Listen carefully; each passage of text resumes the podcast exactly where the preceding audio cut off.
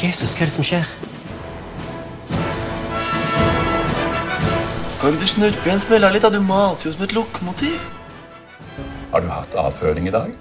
Ja, pappa. Kom, kjerring. Inn og kok. Mora mi er så sprø. Jeg tror ikke at det er så jævlig ålreit at du ringer meg. Film er best på radio. Jeg vil ha to is. Nova Noir. God morgen og velkommen til Nova Noir. Jeg heter Taleråd, og i dagens sending skal vi prøve å finne ut av hvorfor norsk film er så dårlig. Vi har hørt med det generelle publikum og kommet frem til fire argumenter som vi skal diskutere, og det skal si noe om dagens problemstilling. For å diskutere argumentene så har vi plukket ut fem mer eller mindre tilfeldig valgte norske filmer som vi skal bruke som eksempler gjennom sendingen. De filmene er Uno fra 2004, Uro fra 2006, Lunsj fra 2008, Pax fra 2011 og Bølgen fra 2015. Filmene er relativt eh, moderne. Noen av dem ble kritikerrost, og noen ble slakta. Eh, vi har prøvd å ikke gå aktivt etter å velge de dårligste filmene vi vet om, eh, men heller prøve å velge filmer fra et litt bredere spekter enn det. Så denne sendingen blir på en måte som en liten sånn lakmustest for norsk film på 2000- og 2010-tallet. Eh, vi har valgt eh, mest moderne filmer, litt sånn praktisk årsaker, fordi vi også er jo 90-tallsbarn, og vi ikke så, eh, har ikke et så godt forhold til f.eks. For eh, disse sosialrealistiske dramaene fra 70- og 80-tallet som har blitt eh, ledd mye av eh, opp igjennom. Så vi prøvde å holde det litt mer, litt mer moderne enn det. Et av hovedargumentene vi ikke skal diskutere så mye på den måten, men som jeg gjerne vil at du der hjemme skal ha i bakhodet før vi setter i gang, er at Norge egentlig helt siden romantikken har hengt litt sånn etter alle andre land og blitt påvirket av Europas strømninger og tendenser veldig mye senere enn nabolandene våre. Og dette gjelder også selvfølgelig filmbransjen. Eh, Selv om vi har jo hatt regissører som har utmerket seg tidlig, og som har holdt seg produktive gjennom 70- og 80-tallet, men vi fikk jo faktisk ikke en, vår egen filmskole før i 1997, og dette gjør jo noe med oss som eh, filmnasjon, da, vår filmproduksjon. Til sammenligning så fikk f.eks. Eh, Danmark filmskolen sin i 1966. Og både Sverige og Danmark har jo ligget, oss, eh, ligget foran oss ganske lenge. Både eh, Danmark og Sverige har brukt lang tid på å bli gode, sånn 20 år kanskje. Eh, og det nivået, det gode, ordentlig gode nivået har jo de nådd for en stund siden. Mens mange vil vel kanskje si at norsk film ikke helt har nådd det nivået før de siste årene, kanskje.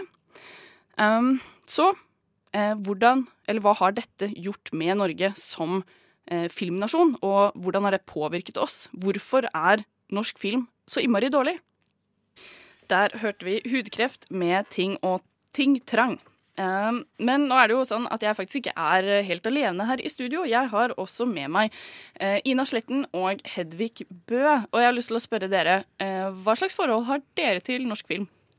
Jeg tror jeg har blitt litt sånn miljøskadd av nettopp av det at folk tenker at eh, norsk film er dårlig. Fordi mamma og pappa, eller i hvert fall mamma, har alltid vært så sykt sikker på at nei, norsk film det skal du ikke få med deg, det er ikke verdt. Vi har så mye annet bra vi kan se i stedet.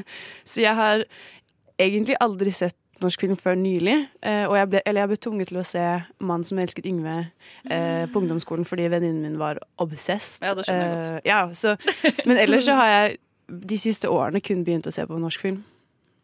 Jeg eh, har alltid syntes at norsk film er veldig cringeworthy, men det er jo av, av liksom Jeg takler ikke å høre når de snakker norsk på film, så av den grunn så har jeg alltid holdt meg unna norsk film.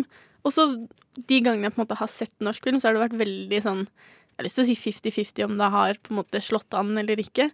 Sånn så Jeg var jo på kino hos Switch, og det slo an, liksom. Ja, for Men- Da var det vel riktig alder, ja, det var jo målgruppe, på en måte. Ja. For den er vel kanskje ikke så holder kanskje ikke kanskje akkurat ikke det. det i dag. Men det du sier med at du bare syns at det er så fælt å høre folk snakke norsk på film, Mm. er jo et argument jeg hører veldig ofte. At øh, uansett hva det er, uansett hva, hva slags film det er, øh, sjanger og alt sånn, så hører jeg at mange sier Nei, jeg bare takler ikke å se på norsk Mm. film bare fordi det er norsk film. Og det tror jeg det er mange som har den på en måte innstillingen.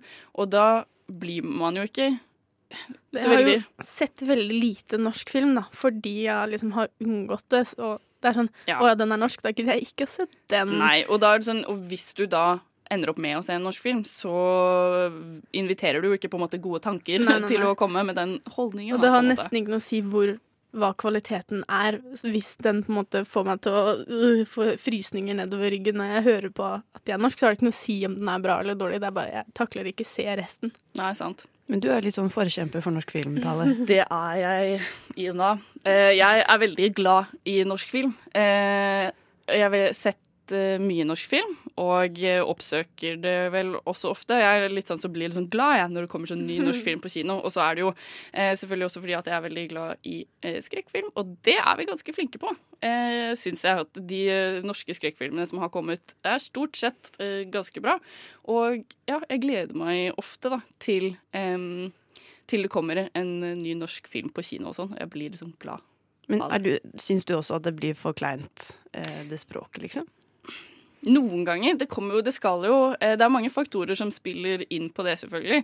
Eh, ikke alltid. Jeg tror ikke det er sånn eh, hver gang jeg hører en norsk dialog, på en måte. Men jeg skjønner jo hvor dere kommer fra også.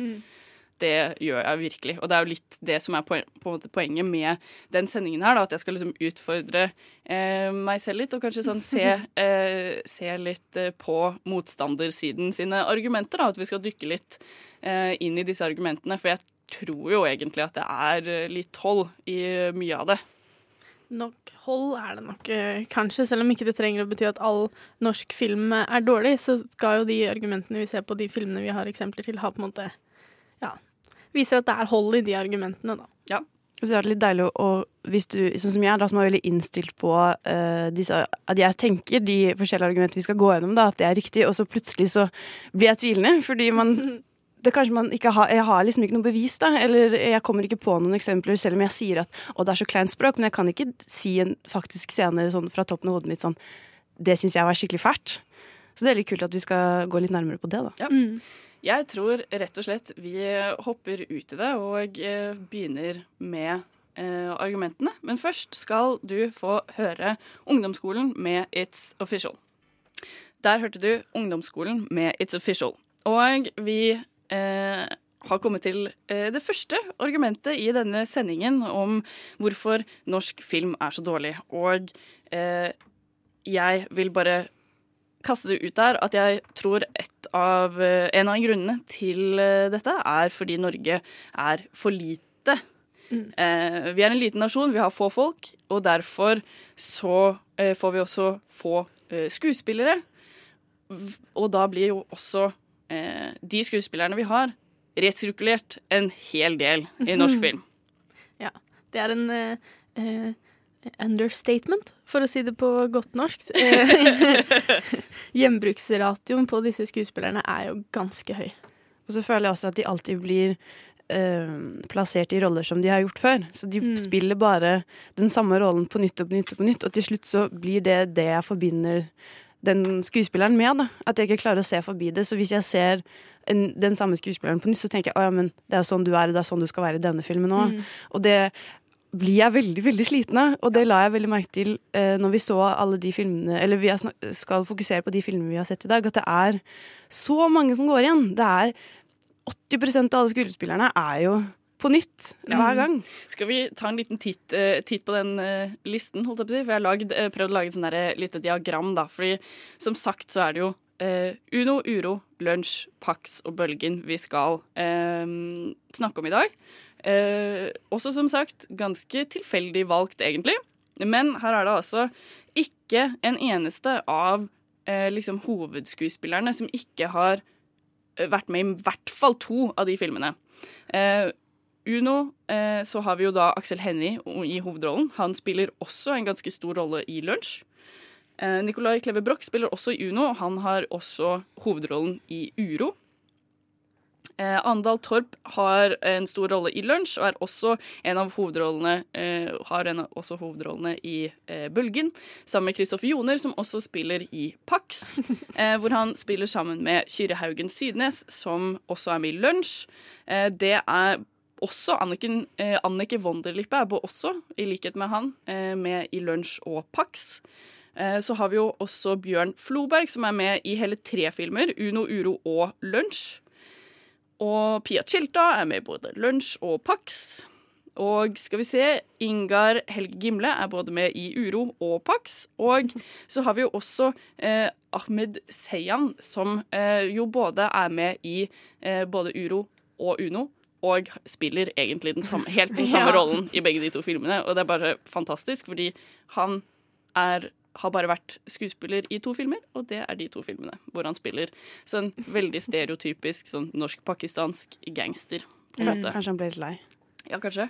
Ble sånn lei av å bli sånn typecasta. Jeg tror jeg googlet han her om dagen, og da så jeg at nå er han noe sånn blikkenslager eller noe sånt. Stemmer. Har et AS. Ja, ble veldig lei av skuespillerkarrieren. Han gjør noe sånn helt annet. lei av å se de samme trynene hele tida, kanskje. Mm. Ja, kanskje det. For det merket jeg at jeg ble. det. Jeg ble veldig det. Spesielt han Bjørn Floberg, som også snakker helt likt i alle filmene. Da blei jeg rimelig lei etter å ha sett de noen dager på rad. Jeg ble veldig imponert over Pia Tjelta, da, fordi hun er svensk i, Ja, i Pax. Og det syns jeg var veldig gøy. da. Det var, hun bare viste litt mer flere sider av seg selv. Synes jeg var veldig fint. Jeg vet ikke om jeg ville kalt det imponert, men i hvert fall overrasket. I hvert fall overrasket. Ja, og, og Aksel Hennie også spiller altså Uno i forhold til Lunsj, er også to uh, forskjellige roller. Så sånn sett er det jo litt imponerende at eh, de klarer å utfordre, utfordre seg selv litt, i hvert fall. I det lille norske klimaet vi har. Ja, I det er hvert fall et forsøk på det. ja. Eh, og så er det jo Nei, jeg vet ikke. Jeg bare, etter å ha sett alle disse filmene, så ble det ble så innmari mye av det samme, åpenbart. Og eh, i hvert fall når flere av filmene er så eh, like. Og det er veldig mye sånn resirkulering av andre ting også. Sånn eh, bruk av kapitler, for eksempel. Så er det Mm. flere det, Både Lunsj og eh, Uno bruker det. Og eh, også litt sånn derre handling også skal vi eh, se litt eh, nærmere på når eh, vi etter en sang skal eh, snakke mer om eh, Uno og Uro. Nå, jeg, se, jeg blander sånn tonefall på de to. Fordi det er jo samme film. Det er nesten samme film, det heter nesten det samme. Uh, ja. Skal vi se. Nå uh, får du høre 'Badat for trøbbel' med uh, 'Børja bli van'. Det var 'Badet for trøbbel' av Børjar bli van. Um, nå skal vi diskutere både uro og uno. Fordi eh, jeg følte litt at eh, de er så like at de nesten kan eh, gå for å være samme film. Så jeg diskuterer de som om de var det. Nei da, det skal jeg ikke gjøre. Men, Ikke helt. Ikke helt. Eh, men de har jo ganske sånn likt premiss, og det er jo da at det er litt sånn noen unge gutter som har havnet litt sånn på feil siden av loven og blir blandet opp i en sånn der trøbbel de ikke egentlig burde ha blitt eh, rotet opp i, da, på en måte. Og jeg har eh, en sånn klipp fra Uro her som jeg har lyst til å spille for dere, bare for at dere skal få litt sånn inntrykk av hva slags eh, film det er. Hør, da. Hør. Hei. Hør. Hei. Jævla fitte. Det var jeg som hadde gjort det. Jeg gidder ikke ta skylda for deg. Slapp av. Hei. Ikke gå, jeg står og snakker med deg. Ja, ok, hva er det? Jævla skravlekjerring, ass. Hva faen er det du driver med? Du? Hør på meg, da. Det er bare noen timer til. Ikke vite om det. Kan ikke du bare høre på meg, da? Håpe! Du må ikke høre på henne. Hun er alkis, du veit det? Hva vet egentlig du om noen ting? Hei. De folka der er kriminelle. Mamma, hør av Dette her er. Hva? Mamma, ikke gå når jeg snakker til deg. Han prøver bare å lure deg. Hva skjer nå? Hva skjer nå? Skjønner du ikke det? Hva vet du egentlig om henne? Du vet ingenting! drit i det. Ja, eh, fordi jeg føler at det er liksom det jeg sitter igjen med mest, kanskje, av eh, disse norske filmene, er at det egentlig bare er ekstremt mye roping og mye sånn derre Hva er det som skjer nå? Eh, hva sier du? Hør på meg, da! Hei, Slapp av! Hei, hei, du! Da vi hørte jo eh, her altså Nicolai Kleve Broch, eh, og spesielt eh, eh, Ingar Helge Gimle også, som var sånn herre Hva faen er det jeg gjør? Ja. Eh, veldig sånn distinkt skuespillerstemme der, altså. Uh, Det er jo kanskje forskjellen på de to, at uh, han Gimle er med i Uro og som good guyen, som skal på en måte prøve å, å hjelpe opp, eller ja, er han som liksom kommer inn og sier 'hva er det du holder på med', du må liksom fikse opp i ting. Og hvem, hvilket lag er det på, egentlig? Mens i Uno så er jo det, så er jo det Aksel Hennie som blir rota opp i ting, og så har han egentlig ingen på laget sitt. For å sortere litt her, da. Altså, Uro er eh, fra 2006.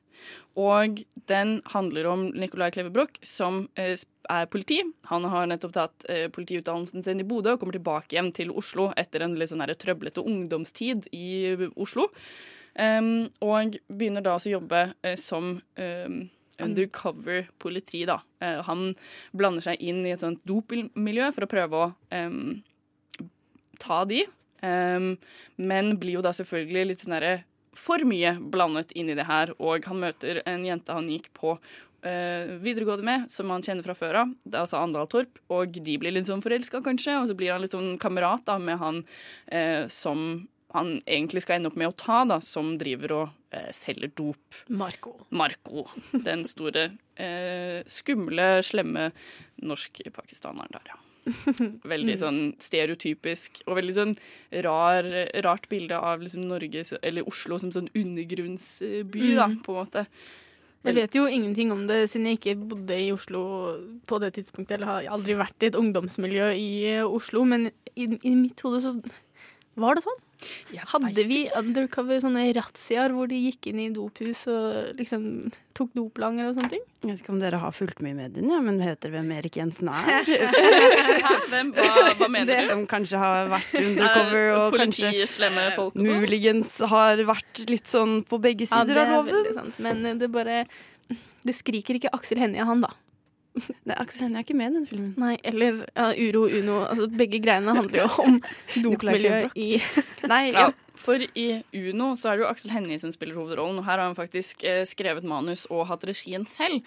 Aksel Hennie, altså. Eh, hvor han på en måte spiller litt sånn derre eh, sjarmerende eh, eller i hvert fall sympatisk eh, bad guy, kanskje, som også blir sånn rotet opp i ting. Da. Faren hans eh, dør mens de eh, sitter eh, på et avhør for å liksom bli ferska i og, eh, at noen på gymmet de holder til, da, har eh, langa dop. Og han ender opp da med å sladre på kameratene sine og eh, blir jo utstøtt fra miljøet.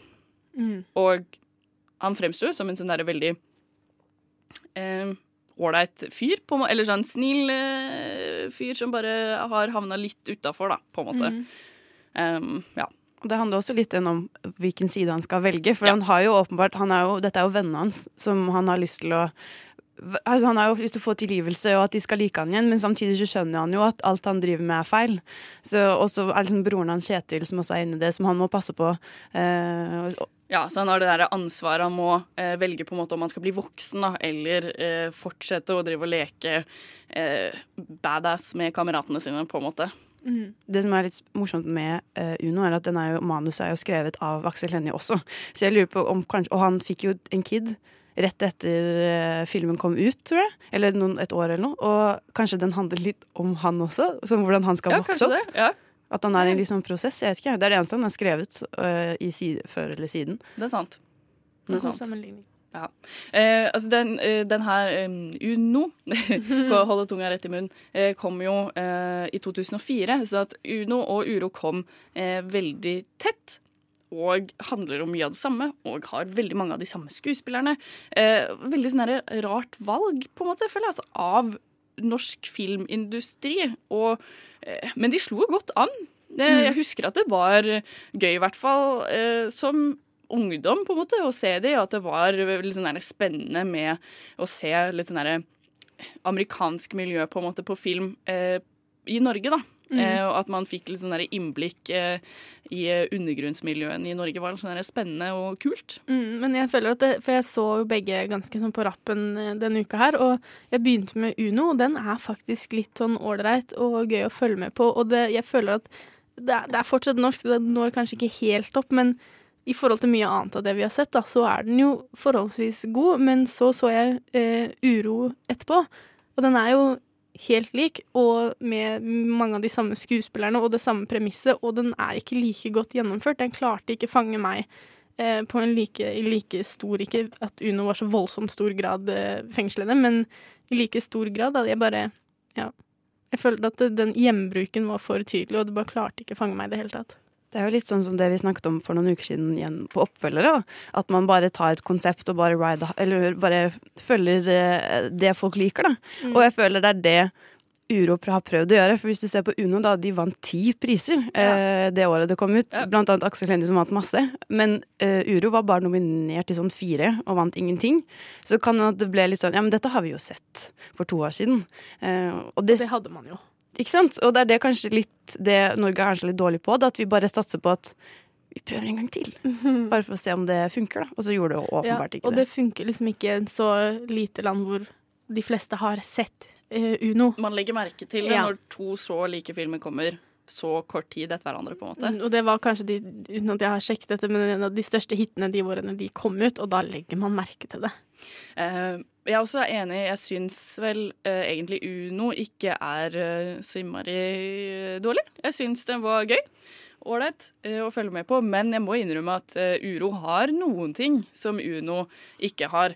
F.eks. veldig lange og intense dusjscener med, nei, med Nicolai Kleve Broch, som jeg det ikke syns eh, Vi kan godt ha var så dumt. av det. Ja, jeg syns ikke det var det verste med den filmen, i hvert fall. Men jeg syns også at Uro sin var mest spennende. Uh, jeg, Litt mer action, kanskje. og jeg syns at det var litt mer sånn og jeg var veldig usikker på hva han skulle gjøre. Fordi i Uno så var jeg litt sånn Men han velger jo åpenbart venner Eller sånn, jeg var veldig sånn Skjønte ikke så veldig den, for, den forvirre... Eller sånn at han ble så frustrert. Dilemma, liksom, ja, ja. Jeg forsto ikke helt den. Mens på uh, Uro så ble jeg veldig sånn fascinert av sånn bakhistorien hans, og uh, hvordan han takler å komme tilbake til et miljø som han åpenbart flyktet fra. Så jeg syns kanskje at uh, hvis du hadde blandet disse to sammen til én film En superfilm! ja, Som kan hete et eller annet med U og O. så hadde det vært en superhit for meg. Og nei, jeg er ikke, liksom, jeg er ikke helt ferdig med uh, Nicolai Kleve Broch ennå. jeg. Eh, for jeg syns uh, egentlig han er en veldig mye bedre skuespiller også enn Aksel Hennie. Er det kontroversielt å si det? Nei, absolutt ikke. Nei? Jeg har aldri jeg støttet Aksel Hennie. Nei, jeg skjønner ikke den fascinasjonen i hvert fall norsk media og eh, filmindustri har med Aksel Hennie. Men Aksel Hennie-. Aksel Hennie for meg er jo et veldig godt eksempel på noen som er, gir meg frysninger nedover ryggen fordi jeg ikke takler å høre på de prate. Sånn som i eh, Uno så skal han være litt sånn østkant-fyr. Ja. er veldig mye tøffing. sånn Skjønner du? Og- Skjønner du det. Jeg prater til deg! Jeg prater, hører på hva jeg sier, Ja. det. Og er bare et, et, og, ja, Hør, ja! Hør etter, deg! Og jeg bare Nei. Jeg jeg vet ikke om det er sånn han prater til vanlig, eller om det er en, en sånn greie han har ilagt seg for å høres litt mer sånn røff ut. I Men- don't like it. Uh, men sier du da egentlig at du savner litt mer sånn dialekt? Eh, Blir det bedre hvis det er på dialekt? Men Nicolai har ikke dialekt. Nei, nei, men bare sånn Nei, generelt. ikke, det, jeg tror det Fordi- handler ikke om med dialekt. eh, For Aksel Hennie har jo så innmari veldig holdt på å si, ren Østlands-Oslo-dialekt. Sånn at det er liksom ingenting der, da. På, Mm, ja, men jeg synes ikke, Det er ikke egentlig det heller. For at når jeg hører sånn som Kristoffer Joner og sånne ting altså Stavanger-dialekt på radio og TV er ikke alltid det, det slår an heller. Nei. Men, eh, men ja, jeg bare, det høres ikke naturlig ut når Aksel Hennie eh, prater. Jeg tror, jeg, blir, jeg tror ikke på at det er sånn han prater til vanlig. Enig. Eller hvis han gjør det, så syns jeg du er litt enkel fyr. Enig. Men bare for å fortsette med Nikolai, jeg Ja. føler også at han har gjort bedre roller i etterkant oh, også. Eh, altså Sånn som halvbroren ja. syns jeg også er en kjempegod rolle for han. Og jeg bare Jeg husker egentlig ikke så veldig mye det er kanskje kontroversielt å si. Jeg husker ikke så mye minneverdig med Aksel Hennie, for å være helt ærlig. Jeg vet at han har vært med sånn, i sånn to Max sekunder. Manus og Ja. sånn ble han jo veldig Ja, og- eh, anerkjent for, da. Eller fikk mye skryt for, i hvert fall. Eller? Jo, jo, og Max Manus var en av Norges sånn, største hit på dritlenge. Sånn, det har ikke vært så høye kinotall på mange år, liksom. Eh, så det er jo veldig kult for han, da. Men sånn, han har jo vært med i noen sånn amerikanske filmer, Ja, og så bare er han med i sånn to sekunder og sier ingenting, og så er han sånn Se på meg. Ja. Så fantastisk jeg er. Jeg er faktisk med i Hercules, liksom. Mm. Ja, Mens eh, andre norske skuespillere var med mye mer, snakket mye mer, var mye flinkere og har ikke nevnt det med et ord. Det er sånn ja, veldig, veldig rart. Men Ja. ja, han trenger jo ikke å være med i noen flere norske filmer, i hvert fall. Da, eller? Ikke på en liten stund, i hvert fall. Jeg kan godt slutte, bare. Han Få litt mer um, litt mer Nicolai Klev Broch, så tror jeg det Mm, blir, mm, det blir bra. Han har jo blitt eh, Er det lov å si sølvrev? Ja, det er veldig lov. I den der Meget kjekk sølvrev. Ukjent, nei, hva heter den, Frikjent-serien. Mm. Der er han jo veldig kjekk. Men når jeg tenker på det, da, så var han egentlig veldig dårlig i den serien. Ja, men det, er ikke den serien generelt dårlig? Så Og, jeg tror ikke det. nei, det er kanskje ikke hans feil. Nei. Men Aksel Hennie har jo blitt sånn method actor, eh, som kakker av seg tennene og sånn. Så Ja, det er sant. kanskje Nikolai skal gå den veien også. Ja. Men uansett så har vi i hvert fall slått fast at Norge er veldig lite. og kanskje litt for lite. I hvert fall når det gjelder sånn eh, ja, skuespillere og sånne ting som vi får dyttet opp i fjeset, og vi blir litt lei. Eh, min, flere nye skuespillere, takk. Mm. Her får du høre Darag med What the Hell Is Wrong With Me. Der hørte du Darag med What the Hell Is Wrong With Me. Før vi beveger oss eh, videre til neste argument, så har vi fått eh, besøk i studio av eh, Liv Ingrid Bakke. Hallo, hallo. Du skal servere en saftig anmeldelse til oss, du. Ja, det skal jeg faktisk. Mhm. Jeg har sett Vice, som handler om byråkraten Dick Cheney, som sakte, men sikkert bygger seg opp en mektig makt og til, og til en plass i Det hvite hus som visepresidenten til George W. Bush. Så vi kan høre litt en eh, trailer her. What do you say? I want you to be my VP. I want you. You're my vice. George, I, uh, vice presidency is a mostly symbolic job. Uh-huh. However, if we came to a uh, different understanding. Yeah, right. I like that. When you have power, people will always try to take it from you, always. Hot damn. Hot damn! Det var eh, altså Vice du har vært og eh, sett, Liv. Hva, hva, hva syns du?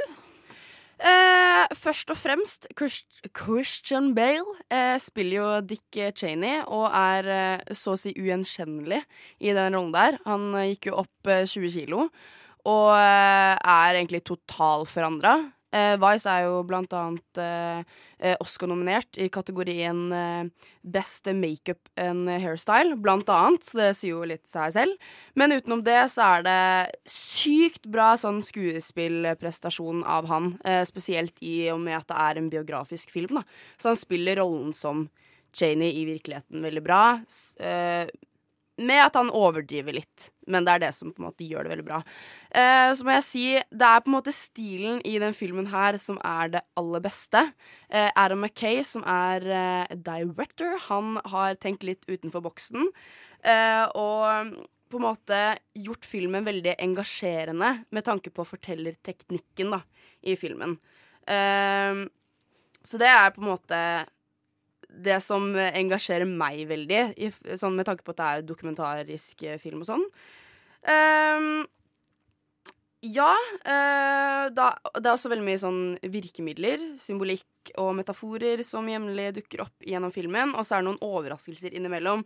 Og da må jeg bare nevne sånn, fordi filmen starter uh, veldig sånn seriøst, og så bygger det seg opp. Vi har jo blant annet uh, Amy Adams, som spiller kona. Og så er det Steve Carell, sier jo seg selv, selv eh, spiller en ganske sassy, eh, grinning versjon av Donald Rumsfeld, som, eh, som gjør det veldig bra. For det er jo en komisk, biografisk drama. Eh, Ja, hun har vel, og Amy Adams har vel også De har huka inn masse Oscar-nominasjoner òg, mm. altså skuespillerne, i tillegg ja, til det med sminken og sånn. Det er skikkelig Oscar-favoritt, da. Eh, det er jo for så vidt uh, forståelig. Ja, fordi både Amy Adams og Sam Rockwell uh, er da i sine representative kategorier nominert til beste birolle, da. Ja, riktig. Ehm, men jeg kan jo snakke litt om hvordan den uh, fortellerteknikken her egentlig er, for det er jo på en måte det som, eh, som han Adam Mackay har på en måte satt øverst. Men det er veldig bra samarbeid i forhold til klipp og foto eh, av de virkemidlene. Vi har blant annet eh, teknikker som titler og freeze frames, som kommer på hver introduksjon av karakterene, som er veldig kult, for da henger du på en måte veldig godt med da, i hvem som faktisk er med i selve handlingen. da. Så er det veldig mye eh, slow motion og korte close-ups. Så er det en god blanding av både stillbilder og håndholdt. Det er kryssklipping mellom to handlinger, som er veldig kult, for da ser du på en måte motsetninger i hva som har skjedd, og hva som har skjedd, eller, eller lignende.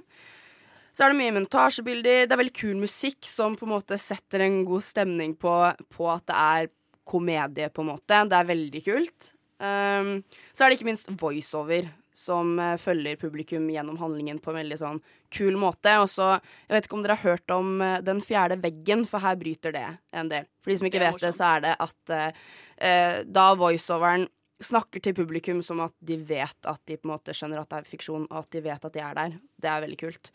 Eh, og voiceoveren har egentlig en sentral rolle i forhold til at han, bes, han på en måte forklarer hva som på en måte er litt sånn Kanskje litt uforståelig for noen. Eh, og har ikke noe sånn super tilknytning til, eh, til selve filmen, men det kommer litt sånn senere, da. Men føler, Dick Cheney er jo eh, kjent for å være en dritt. Eh, føler de at de klarer å, å fremstille det på en riktig måte, eller er det litt sånn eller sånn kulhet sånn, og, sånn som i Wolf of Wall Street, da, hvor man gjør han egentlig ganske kul.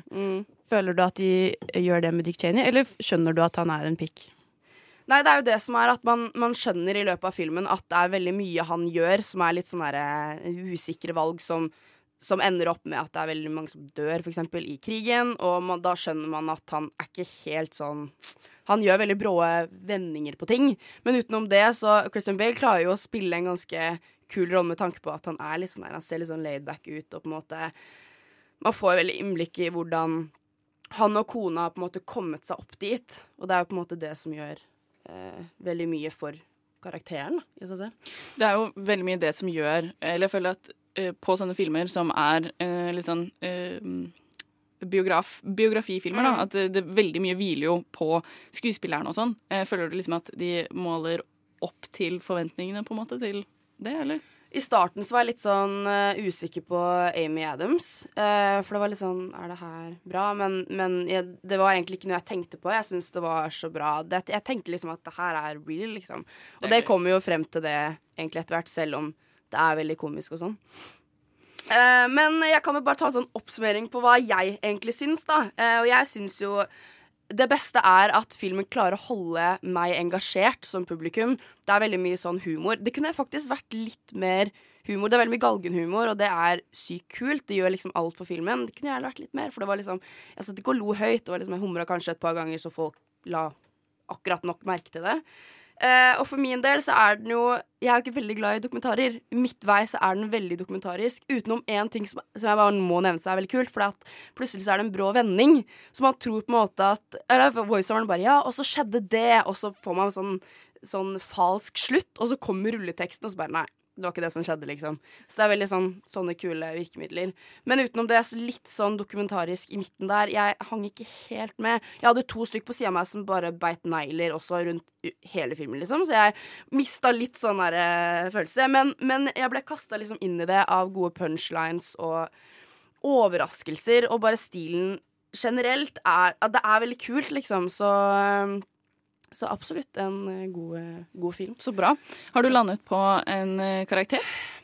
Ja, jeg har jo lyst til å gi den egentlig åtte av ti, men jeg tror jeg gir sju av ti på grunn av det at det var litt sånn Den var litt lang og litt okay. sånn i midten her. Men eh, anbefales absolutt, og Oscar-favoritt for sure. Det er Jeg det. skjønner.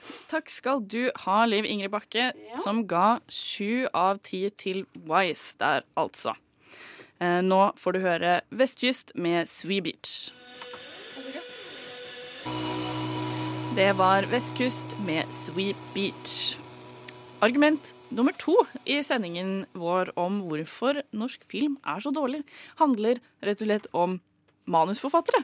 Og at vi har veldig dårlige manusforfattere i Norge, og at det ofte her er feilen ligger, og ikke på skuespillerne som på en måte fremfører replikken, men at det er, de har et dårlig utgangspunkt til å starte med, da.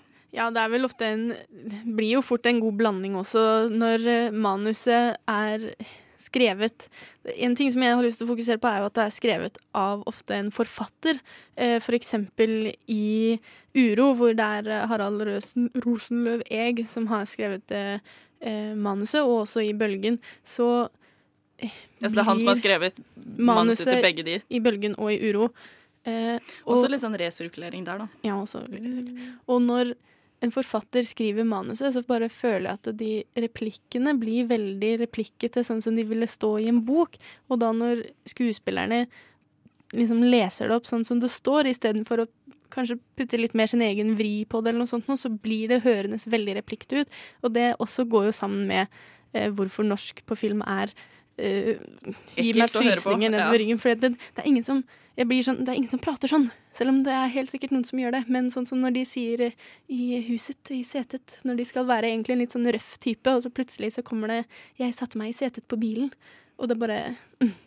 Det er også Lars Saabye Christensen som har skrevet manuset, eller bidratt til å skrive manuset på Pax.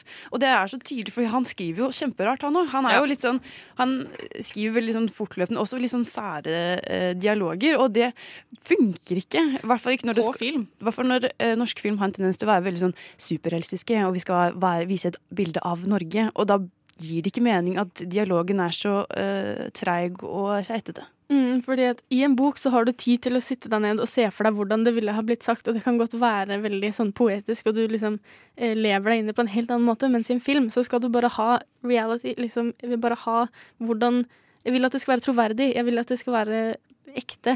Og det er jo det at i, eh, når man leser som eh, publikum, da, på en måte, og man sitter og leser en bok, så har man jo muligheten til å på en måte tolke replikkene stille inni hodet sitt for seg selv. Mm. Man blir ikke servert hvordan det høres ut høyt. Det jo, kan jo hende at det er veldig mye replikker i bøker også, som sikkert egentlig hadde hørt, hørtes veldig unaturlig ut hvis de hadde blitt fremført sånn som de står.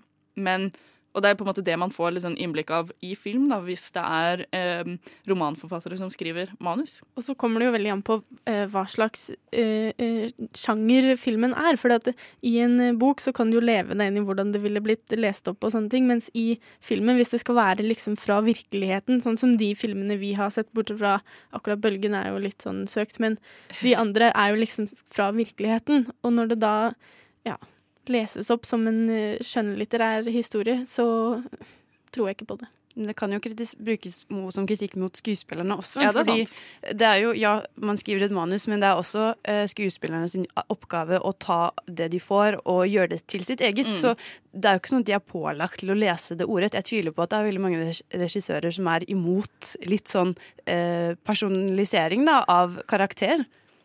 Ja. Nei, for jeg bare tenker eh, også at det i utgangspunktet høres jo veldig fint ut eh, å få manuset ditt skrevet av en profesjonell forfatter.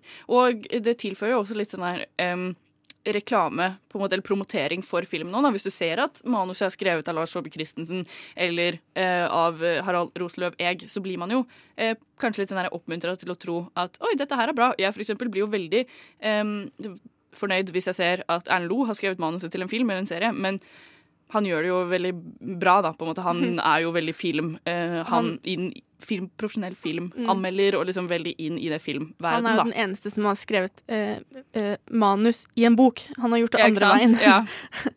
Men ja, jeg også tenkte mm, Nå glemte jeg det. Men det som jeg ofte har reagert litt på, spesielt i Bølgen, er veldig åpenbart at det er veldig amerikansk. Og det er veldig sånn Sånne setninger som er sånn skal si masse trykk, og så funker det ikke på norsk. For det blir sånn øh, og så, for, Fordi engelsk høres så mye kulere ut. Alt høres mye kulere ut på engelsk. Og det er så åpenbart at de norske manusforfatterne også tenker det. Ja, og det er sånn jeg satt og så, på det, for jeg, jeg var, drev jo og skulle finne ut om eh, er dialog og manus i norske filmer dårlige. Og da satt jeg sånn er, Syns jeg det er dårlig bare fordi det er på norsk? Og så prøvde jeg altså å oversette det inn i hodet mitt og så liksom finne ut om hadde det funka på engelsk. Hadde jeg vært irritert på denne setningen på engelsk? Og da fant jeg ut at det er jo veldig mye som på en måte er egentlig en engelsk frase. Sånn som i eh, Uro, tror jeg det er, så sier Andal Torp 'da kan jeg ikke se deg mer'. Og det sier man 'I can't see you anymore'. Det sier man Ja, på engelsk. og du sier ikke det på norsk! Nei, Da kan jeg ikke møte deg igjen. Da, Da- kan jeg ikke være mer med deg. Du sier ikke 'da kan jeg ikke se deg mer'. Ja, og det er bare måten hun også fremfører den replikken på, som bare er helt sånn der, Da kan ikke jeg se deg mer! Og det bare Ja. høres så sykt uh, falskt ut, på en måte. Men en ting som er litt morsomt, da, er at um, det, her, det er en sånn humorserie som heter uh, Kollektivet, er det ikke? Som har uh, fokusert litt på sånn herre hva Også hva det er som gjør norsk film dårlig. Og de har plukket opp en litt sånn morsom ting. at norske filmer veldig, veldig ofte har sånne hva er det som skjer her? Eh, setninger som uh, bare pepret sånn utover. Fordi hvis ikke så greier ikke liksom, publikum å følge med. Og at man må liksom, få skuespilleren til å sånn, oppdatere oss hele tiden muntlig på hva det er som skjer. Hvis ikke så greier man ikke å på en måte henge med.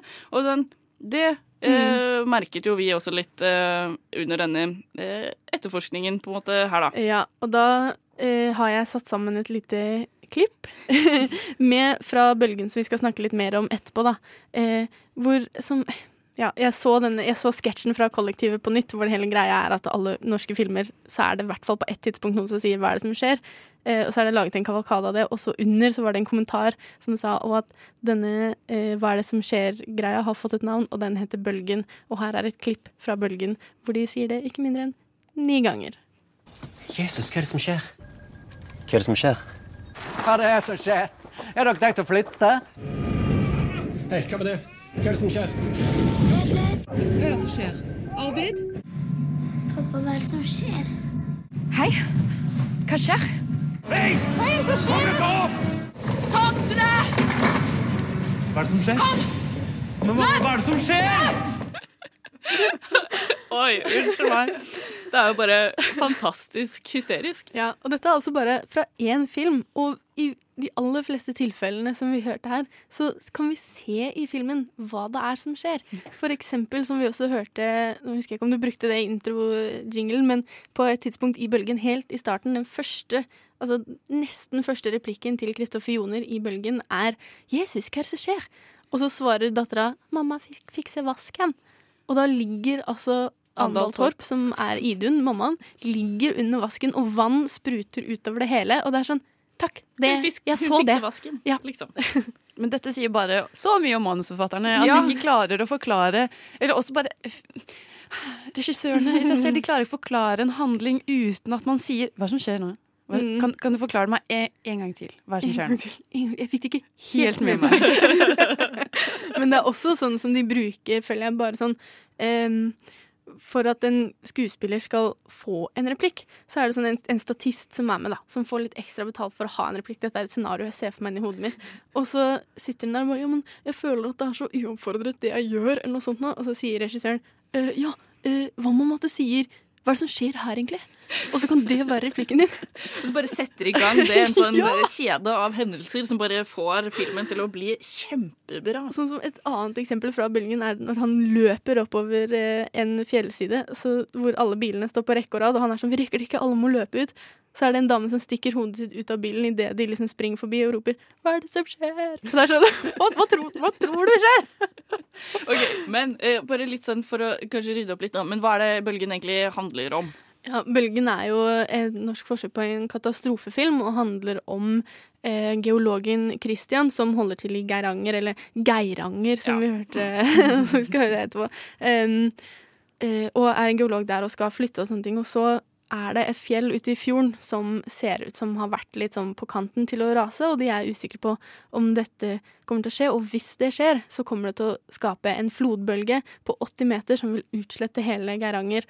Og når det skjer, eller hvis det skjer Spoiler, sorry. Det skjer. Den heter Bølgen. Det skjer. Så har de ti minutter på seg, eller Chris- Christian har ti minutter på seg til å redde alle han kjenner, er premisset i filmen. Eh, Fordi han vet som liksom ekspert at det er Mm. så lang tid det tar før den bølgen treffer fjellveggen, da, på en måte. Mm, og utleder hele Geiranger. Fra fjellet til og innover fjorden til Geiranger så har han ti minutter på seg til å få alle opp i høyden på 80 meters høyde. Men så er det jo også sånn at denne bølgen inntreffer jo bare en time inn i filmen. Og det er jo hele 40 minutter igjen. Det syns jeg var veldig rart. Den varer i sånn fem minutter. Ja, Mm, bølgen er liksom- er Altså, filmen burde ikke hett Bølgen, for Bølgen er bare et bitte lite element i filmen. Alt handler jo om på en måte, oppbyggingen og det som skjer etterpå. Men ja. Ja. Men det er eh, mange dårlige replikker i bølgen, og det er mange Mm. dårlige eh, Ikke utleveringer, men eh, sånn skuespillerne utfører. Ja, fremførelser. Ja. Eh, ganske dårlig også. ja, og jeg har satt sammen et lite klipp av det òg, jeg. Flink du er, Henrik. Jeg trenger rørlegger. Jeg skulle veldig gjerne hatt en rørleggertang. Kanskje jeg til og med kan få litt mer oppmerksomhet enn det fjellet. Det var oppmerksomhet. Nei, ikke på kjøkkenbenken, da. De skal lage mat der i morgen. Jeg liker meg her, jeg. Jeg vet at Geiranger ikke er, ikke er verdens sentrum, liksom, men det er trygt. Jeg er hjemme. Hva blir, det ne altså, hva blir det neste, da? Hva blir Etter vi har vært i Stavanger i to år, blir det da opp og ut for å dra igjen, liksom? Altså Hele jævla landet er jo stein. Ja. For hele jævla landet er jo stein.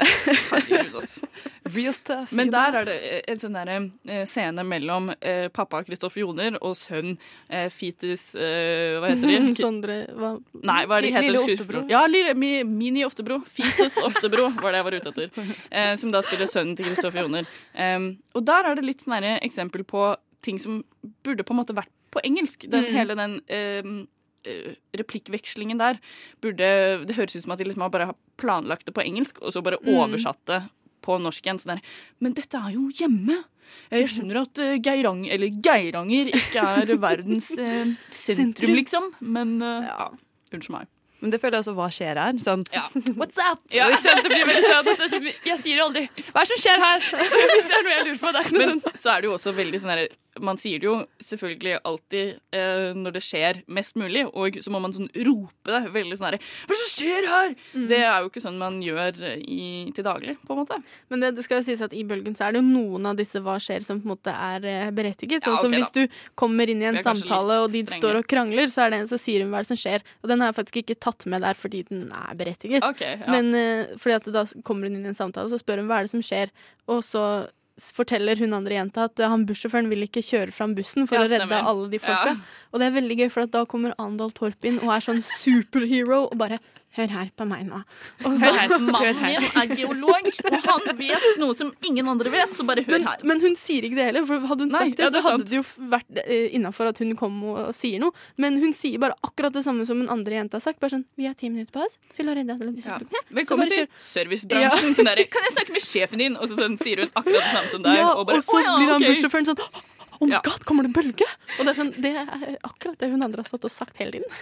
Men apropos sånn at vi høyter på eh, Aksel Hennie, Arendal Torp. Oh. Hvorfor er Arendal Torp med i alt? Det er det, åh.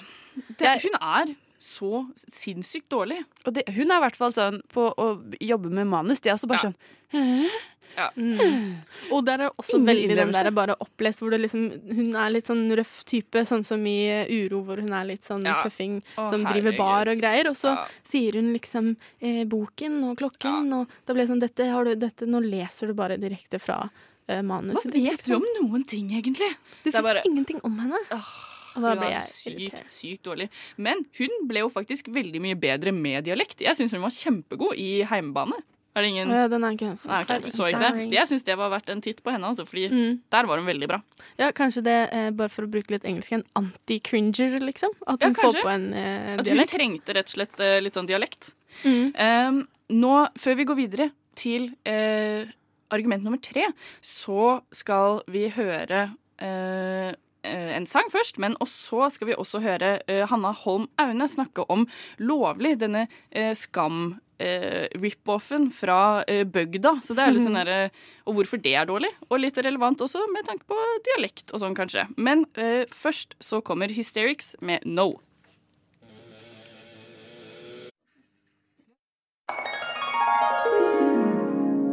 Å, Skam. En faktisk bra serie laget til ungdommer med skuespillere som ser unge ut. Så mye relevante temaer, og de legger ikke lokk på hvordan ungdommer i Norge lever. Sykt, sykt bra! Å, hei NRK! Hva sa du? Er Skam for Oslo-sentrert? Å, du, du har laget en Skam-serie satt i Sandane? Å ja, jeg kan vel se litt på den, da. Er du så Gunhild? Ja, hei! Å, så kjekt! Velkommen til Sandane. Er du halvt skyld på det, eller? Kan dere dempe dere litt? Dere sitter og krangler hele dagene, og så skal dere ha sex om natta. Lø Løkebjørn. Hils Jesus. Eller kos deg. Fy faen, så kleint.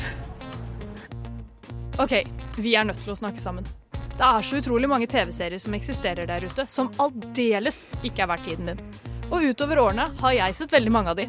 Så i dag skal jeg snakke om en serie som ikke er verdt din tid, og det er NRKs skamkopi, Lovleg. Men eh, før vi starter, må man nesten si spoiler alert. OK, setting. Sandane, Sogn og Fjordane. Gunhild er nyinnflyttet og skal gå på videregående skole, og bor for første gang alene.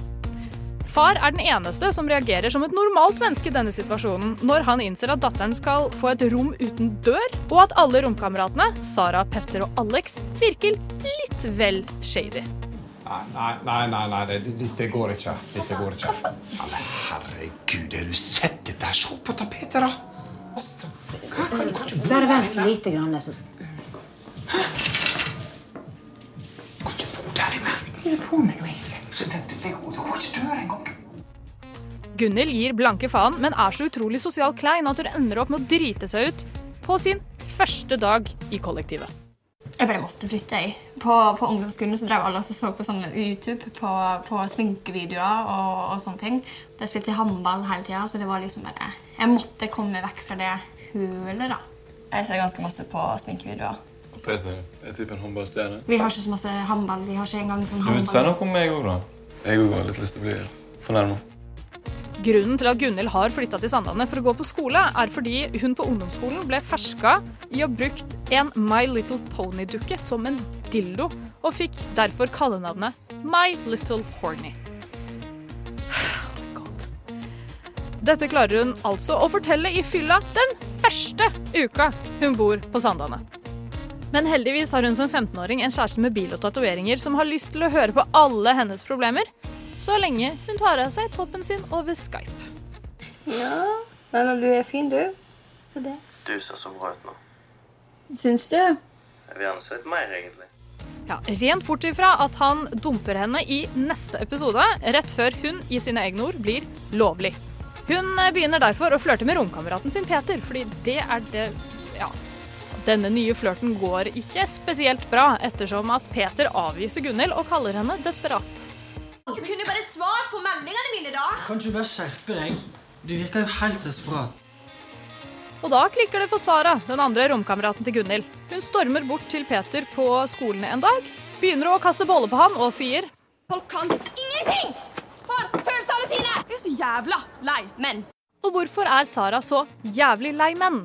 Jo, Sara er gravid. Gunhild bestemmer seg for å dra til Førde med Sara, så Sara kan ta abort. Men da går hun glipp av den siste gymtimen, som betyr at fraværsgrensa banker på døra hennes. Gunhild har nå skulket for mange gymtimer, så løsningen hennes blir da å kjøpe en falsk legeerklæring fra en gutt som kaller seg Kniven, for så badass er denne serien. Er det du som er kniven? Jeg er egentlig ikke så glad i det navnet. Jeg har kallenavn sjøl, og jeg er ikke så veldig glad i deg heller. Men før Gunhild får levert denne falske legeerklæringen, så finner Sara ut av dette og bestemmer seg for å si ifra om at grunnen til at Gunhild ikke var på den siste gymtimen, var fordi hun ble med Sara til Førde. Nei, Sara. Jeg trekker det tilbake. Ja, men Du får faen ikke stryke av gym bare pga. meg. Bare glem det. Nei. Det går helt fint. Hei, eh, Grunnen til at Gunhild har gått glipp av Jeg har gymtimen panikkanfall. Så jeg bare føler at jeg må si det til deg, fordi det er derfor jeg har droppa gym. Fordi jeg bare jeg klarer ikke når pulsen driver og stiger, og det er mange folk. og Du kan bare stryke med hvis du vil. Det går helt fint, og jeg forstår det veldig godt, men jeg bare føler at jeg måtte si det, fordi at det er noe jeg har gått og tenkt på lenge og aldri turt å snakke til noen. Gunhild stryker likevel, og hele serien ender opp med at de har en fest. Sånn, da har du også sett Lovleg. Ja, på en måte da, i alle fall.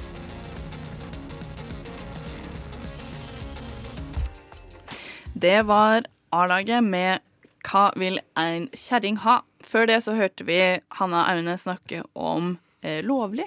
Og nå har jo vi fått eh, sett det, og trenger ikke å bruke mer tid på den, egentlig. Mm. vi skal over til eh, argument tre i sendingen vår om hvorfor film no, norsk film er så dårlig. Hvorfor film er dårlig. Eh, og argument tre eh, går rett og slett på at vi kanskje har eh, for lite budsjett. Ja, fordi som vi snakket om tidligere, så har jo Norge alltid vært litt sånn annerledes land når det kommer til film. At vi har vært seint ute og eh, ikke kommet i gang så fort. da.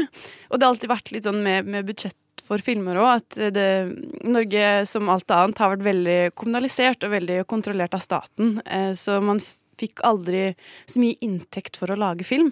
Det har egentlig ikke vært ny, før nylig at man har tjent penger på å lage film.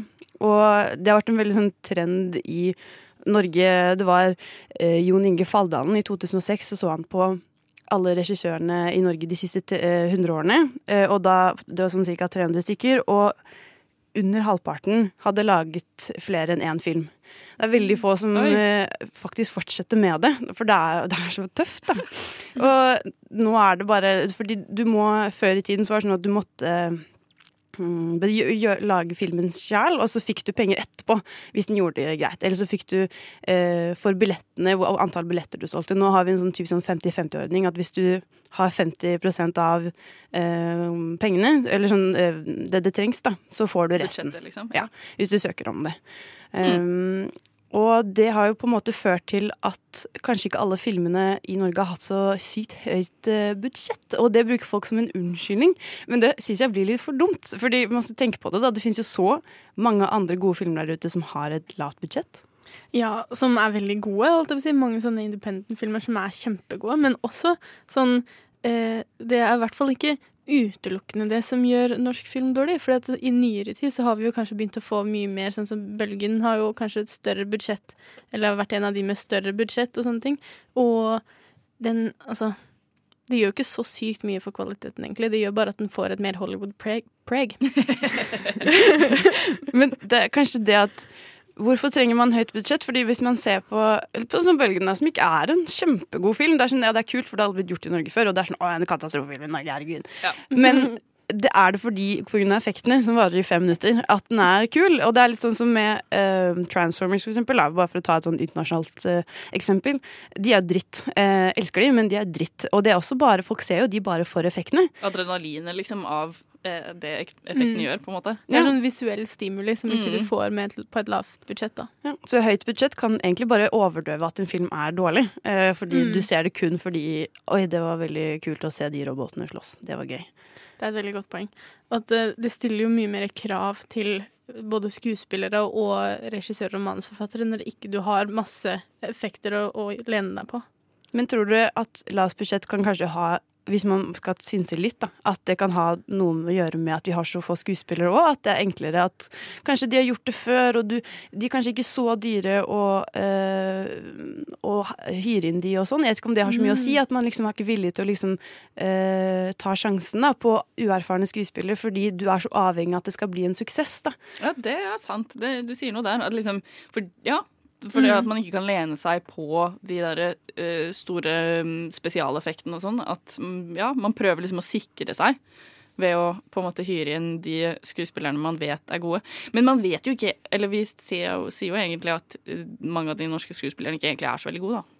Det Kanskje sant. de burde tenke omvendt. At sånn eh, OK, vi har disse skuespillerne som er kjente, men vi burde egentlig bare bruke alle pengene på spesialeffekter og eh, for at det skal bli en storfilm Ja, som og mindre kjente eh, skuespillere. Ja, ja, og kanskje bruke mindre penger på det, og så Mm. eh, tjene inn pengene på at det skal bli en sånn derre kinosuksess. Men samtidig så er det jo, selv om vi kan tvile på hvor gode de egentlig er, så er det sånn som vi sa med manusforfatterne også, at de bruker dette navnet fordi det trekker folk. Og den er skrevet av Saabye Christensen. Kult, da går jeg og ser den. At kanskje noen at man kjenner til Kristoffer Joner eller Andal Torp, og det er sånn Å, oh, Andal Torp er med igjen. Da går jeg og ser den, fordi av en eller annen grunn så elsker de Andal Torp. En annen, et annet poeng med uh, det at staten har vært så utrolig innblandet da, i dette eh, budsjetteringen, da, er at de også har Neste film vi skal snakke om, er Pax, eh, og den har blitt på en måte et offer for eh, kjønnskvotering. Mm. og det er fordi staten var så opptatt av at vi kan ikke bare gi subsidier til menn eller mannlige regissører. Så eh, da prøvde man å liksom gi mer til kvinner, da. Og det gikk ikke nødvendigvis like bra. For det er sånn som hvis man har en sånn påtvungen eh, kjønnskvotering, så ender det ofte at man bare tar en kvinne. For det er en kvinne, og det er jo helt feil tankegang. Og det var på en måte det som skjedde med Pax og Anette Kjursen. da. Mm, det høres jo litt ut som når du sier at Pax har blitt et offer for en kvinnelig regissør. Men Pax og den kvinnelige regissøren kan jo ha vært en dårlig film uansett, så jeg føler at det er mer vi som har blitt offeret ved at de kvoterte inn en film og en regissør som ikke var Men nå er det jo også sånn at uh, For vi har faktisk to uh, kvinnelige regissører. Fordi uh, hun som har laget lunsj, er også en dame. Mm. Og det er jo kanskje de to dårligste filmene vi har med Ja. i Men vi prøver ikke Ja. å si at kvinner er dårlige regissører. Absolutt, Absolutt ikke. ikke. Nei, men at Det er bare kanskje disse bare ikke kvoter det inn. Nei, eller Veldig Nei, fordi vet de, Det er vanskelig. Fordi uh, man kan si ja vel de beste, men hvis kvinner ikke får plass til å prøve seg heller, så blir de jo ikke best. Nei, det er kanskje litt det òg, at man ikke har latt kvinner prøve seg. Nå bare tuller jeg. Nå syns vi på et helt annet. Ja, ja. Unnskyld. Jeg annet. eh, blir veldig nysgjerrig på eh, Pax, jeg. så nå skal eh, du der hjemme få en eh, liten eh, pause fra oss og høre eh, Benny Sings med 'Not Enough'. Der hørte du Benny Sings med 'Not Enough'. Um, nå skal vi ta, ta diskusjonen eh, med Eller budsjettdiskusjonen videre og eh, gå litt mer inngående eh, inn på filmen Pax. Pax handler jo om Det er en, mange mennesker som skal, som skal på en flytur. Eh, og alle har litt sånn problemer i livet sitt. Det er litt sånn eh, en som nylig har vært i en ulykke, en som eh, har mistet mann, eller eksmannen sin, og en datter som skal møte faren sin som hun ikke har sett, er veldig sint på sånne type ting. Da. Og alle disse menneskene samles på ett lite fly fra Stockholm til Oslo. Og vi klippet ut en liten del fra eh, Pax som bare prøver å oppsummere bare stemningen og samtalene og den lave, lave kvaliteten på denne filmen. Du at i klosteret så hadde jeg det egentlig ganske fint. Jeg følte meg lykkelig. Kroppen min var som en ufølsom muskel. Nå er den ikke det lenger.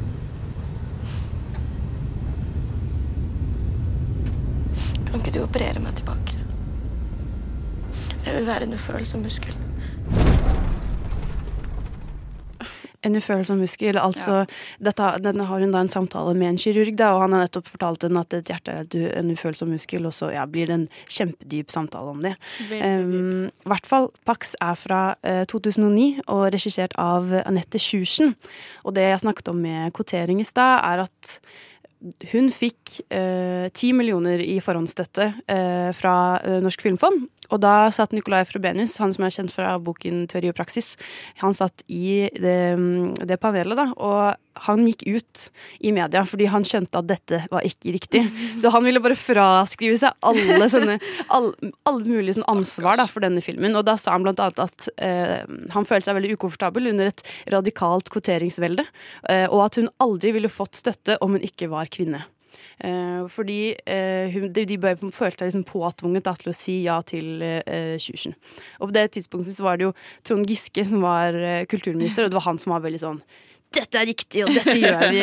og ja. Men til uh, hennes uh, forsvar, da, Anette Sjursen hadde jo uh, lagd uh, Min misunnelige frisør allerede i 2004. Var ikke den litt bra, eller? Jo, og det var det som er Hun skrev også den med Lars Aabye Christensen. for det er han som Andre også- gangen, ja. Eller sånn, ja. Så han var jo med igjen da i Pax. Og det, så det, tilsynelatende skulle det gå bra, eh, og, men så gjorde det ikke det. Og det er litt gøy, for nå har hun, hun har ikke laget noe siden. Nei. Dessverre. Og det er litt trist. Eh, for hun hadde liksom laget to kortfilmer før det, og så det, Min misunnelige frisør. Nå holder, eh, jobber hun i noe som kalles Mental Power. eh, Som er hennes eh, rådgivningsfirma. Mm Eh, og her skriver hun at eh, erfaringene hennes er de som gjør henne sterke, og at det er veldig gøy, fordi hun vil ikke nevne Pax, eh, men hun skriver at film nummer én kjempebra suksess. Eh, men film nummer to ble svært kontroversiell. Eh, og hun nevner ikke navn. Eh, kontroversiell er kanskje litt feil ordbruk også. Ble jo slaktet, eh, eh, mildt sagt, eh, i, i, av anmeldere. Eh, og så sier hun at liksom at dette har lært henne å takle eh, pressen på, i motgang. Og, og, eh, så hun er der for å hjelpe andre skuespillere og filmmennesker. Da. Så nå har hun blitt life coach, liksom? Ja. Altså sånn presserådgiver, liksom, for eh, skuespillere? Ja. What to er do veldig, when completely fail?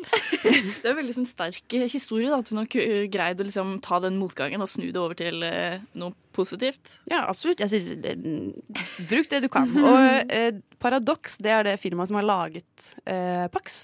Og det som er gøy er at Hvis du ser på sånn besøkstallene på de to filmene som kom først, eh, f- før Pax, så var det først Knerten, som hadde ca. 375 000 eh, besøkende. Så var Fatso før der igjen, og den fikk 102 000 besøkende. Og Pax fikk hele 3500 personer. Er det sant? Ja. Eh, og det er På kino? Ja, I alle dager? Mm. Eh, så det, den falløyden er ganske svær, da. Og Wow.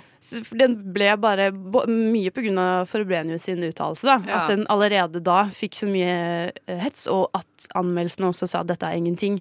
Eh, For den kom på en måte også etter en film vi skal snakke om etterpå, som heter Dis, eh, som ble liksom sånn hyllet fordi den var altfor rar, men den Pax var ikke rar nok. Nei, det ble bare merkelig. Og her er det egentlig sånn derre Jeg kunne faktisk trengt at en eller annen av karakterene hadde bare sånn reist seg opp og ropt sånn Hva er det som skjer her, egentlig? Fordi det Jeg skjønte ikke hva Nei, det var som var da greia, vi liksom. satt og så den, så Det var den ene gangen du skulle ønske at noen sa det, for vi skjønte virkelig ikke hva som foregikk.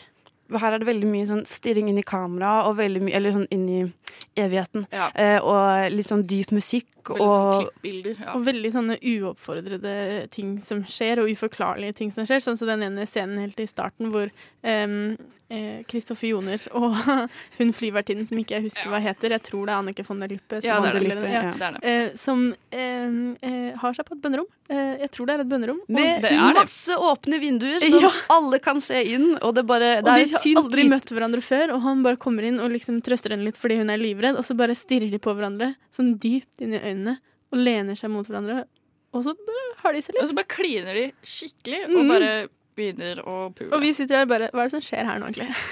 Og så er det sånn, Hvorfor er hun flyvertinne hvis hun er redd for å fly? Fordi vi Mm. finner jo senere ut at hun er flyvertinnen på det flyet, og så blir det litt sånn kleint mellom dem senere. da, Mm. Men ja. Og det er også sånn, Kristoffer Joner begynner å snakke, han sitter ved siden av hun jenta som skal møte faren sin. Og det er sånn en scene hvor han er sånn Hvor gammel er du? Så er sånn 11. Og så begynner han å uttale seg om alle tingene han har gjort. Sånn, jeg har drukket mye, jeg har poppet piller, jeg har ligget med masse damer. Og hun bare Du er ekkel. Jeg er bare helt enig.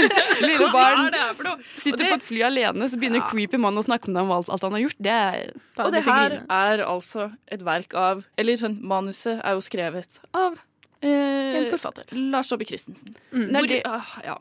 Men jeg tror det er det som også er litt av feilen. For jeg tror det vi hadde fungert hvis man kunne høre hva de tenkte. Eller et eller annet sånn, et eller annet sånn du Jeg føler veldig mye skjer uh, usagt, da. Og så funker det ikke på film, fordi det er ikke tydelig nok i uh, skuespillerne eller i klippingen eller noe sånn eh, hva som faktisk skjer. Det er bare veldig høy skrikemusikk eller sånn Ja. musikk i bakgrunnen, og du skjønner ingenting. Ja, og det er også bare man, Jeg klarte ikke helt å skjønne hva det var filmen ønsket å oppnå. Man Nei. skjønner kanskje nesten hva den skal være for noe, men også der ødelegger jo coveret litt, faktisk, på DVD-en for meg, hvor Ja, det står bakpå at en, en ulykke, en hemmelighet, en felles skjebne. Og det er sånn eh, For det første, det, hva var ulykken?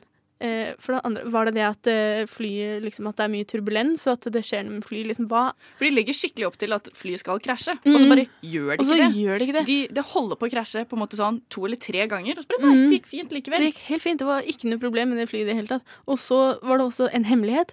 Og det var sånn, hva er hemmeligheten? Hva i alle dager er den Eh, hemmeligheten? Hva fordi alle, ja da, alle har litt sånn hemmelighet, så kanskje det er, de mener at alle har, sitter på en hemmelighet inni seg. Men sånn er, jeg føler at alle hadde liksom hver sin halve hemmelighet. Fordi Ja. det var ingen av de tingene de snakket om som enten Enten så ble det ikke avslørt, eller så ble det liksom eh, Fikk vi vite at det var bare sånn det var, Det var liksom ikke en ille- ordentlig hemmelighet. Nei, det, liksom, det hadde potensial til å bli en sånn skikkelig what the fuck-film. Sånn som, bare for å spoile litt, hvis eh, det hjertet da, som fraktes med flyet, hvis det hadde på en måte blitt urettmessig tatt fra han som døde, eksempel som var eksmannen til nonna Ja, Hvis fordi- det ja. hadde på en måte blitt stjålet for å gi til noen andre, og at det var en sånn greie der, så kunne det faktisk blitt noe.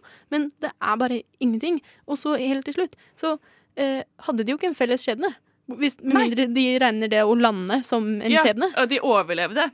Felles. det- det- Og det, bare sånn her, den er bare ingenting. jo ja, og veldig sånn derre eh, flette alle disse historier, personlige historiene sammen. Sånn at eh, på flyet så satt legen eh, som opererte eh, Mm. Ida Elise Broch sin eks sitt hjerte, så hjertet til eh, eksen var også med på flyet. Og noen hadde ligget med noe, jeg vet ikke, og så ja, masse sånne småting som egentlig ikke hadde noe å si. Og det er jo også litt det de har eh, gjort litt i lunsj. At det er Ja. masse forskjellige historier som de prøver å connecte litt. Selv om i lunsj er det jo enda mindre connecta. Da. Ja. Eh, I lunsj skjønner jeg enda mindre hva som foregår, egentlig. Ja. Oi, oi, oi. Det er eh, et makkverk av en film. Jeg bare, ja eh, Budsjett eller ikke, eh, hva som er problemet er jeg ikke egentlig helt sikker på, men man kan i hvert fall si for sikkert at Pax er en elendig film. Og den er også norsk. Dessverre. Dessverre. Eh, før vi skal høre en sang, så eh, etter sangen så får vi også besøk eh, i studio eh, av Sondre fra Sorgenfri, som har, eh, er en av de få personer vi greide å, å huke tak i som faktisk har sett Aune Sands Dis. Fordi den filmen er jo helt umulig å oppdrive, men- så da gikk vi til eh, det nest beste. En andregangskilde, for han har eh, sett den, så vi skal ta en prat med han. Men før det så får du eh, høre Death Crush med Ego.